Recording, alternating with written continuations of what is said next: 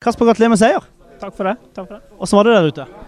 Det var sinnssykt deilig å vinne på slutten der. Eh, vi følte vi stanget en del i, i andre omgang der, og de fikk noen store kontringsmuligheter. Så kampen sto vippet lenge, så det er utrolig deilig å stikke av med, med seieren på 16. mai.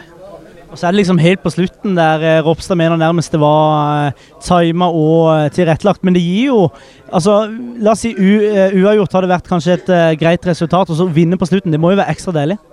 Ja, ingen tvil om det. Uh, det er jo litt sånn berg-og-dal-banekamp. Vi starter veldig bra, og så gjør vi ekstremt mye dumme feil etter hvert i første omgang der. Og så, så tar vi det helt til slutt, så det, det, det, det fins ikke bedre måter å vinne på. Og helt til slutt, eh, du er jo bergenser og kjent med at uh, borgertoget i, på 17. mai er veldig stort der. Det er for så vidt stort her på, på uh, Sørlandet også. Hvor deilig blir det å gå med en seier uh, i morgen? Hva, hva, var det du spurte om nå? Det... Nei, det er, det er, det er rett og slett bare spurt om hvor deilig blir det å gå 17. mai-tog i morgen? Det blir veldig mye enklere når man har vunnet enn når man har tapt.